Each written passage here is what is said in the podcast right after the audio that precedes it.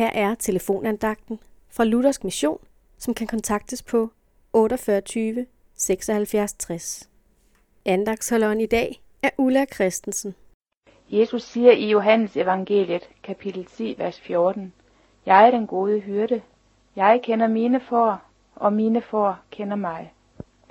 Jesus sammenligner mennesket med et får.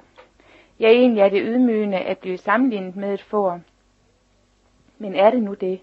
Når vi ser på fåret, er det et stift klodset dyr. Det kan ikke forsvare sig over for vilde dyr. Det løber ikke særlig godt. Ja, det kan ikke bide eller bræge noget særligt. Altså det er afhængigt af andre, hvis det skal klare sig. Fåret har brug for en hyrde. Jesus vil fortælle os, at vi har brug for en hyrde. Han vil fortælle os, at han kender os og vores behov. Han vil fortælle os, at hvis vi ikke er lige så hjælpeløse i os selv, som foråret er, ja, så har vi heller ikke brug for en hyrde. Så kan vi jo klare os selv.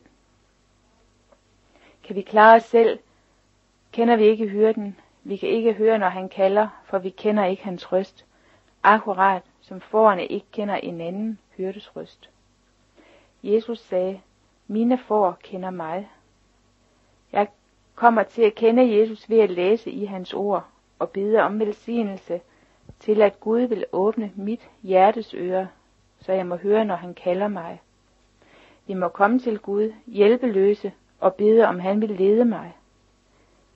Leve i tro og tillid til, at det har han lovet os i Johannes evangelie, kapitel 10, vers 14. Jeg er den gode hyrde, jeg kender mine får, og mine får kender mig. Amen.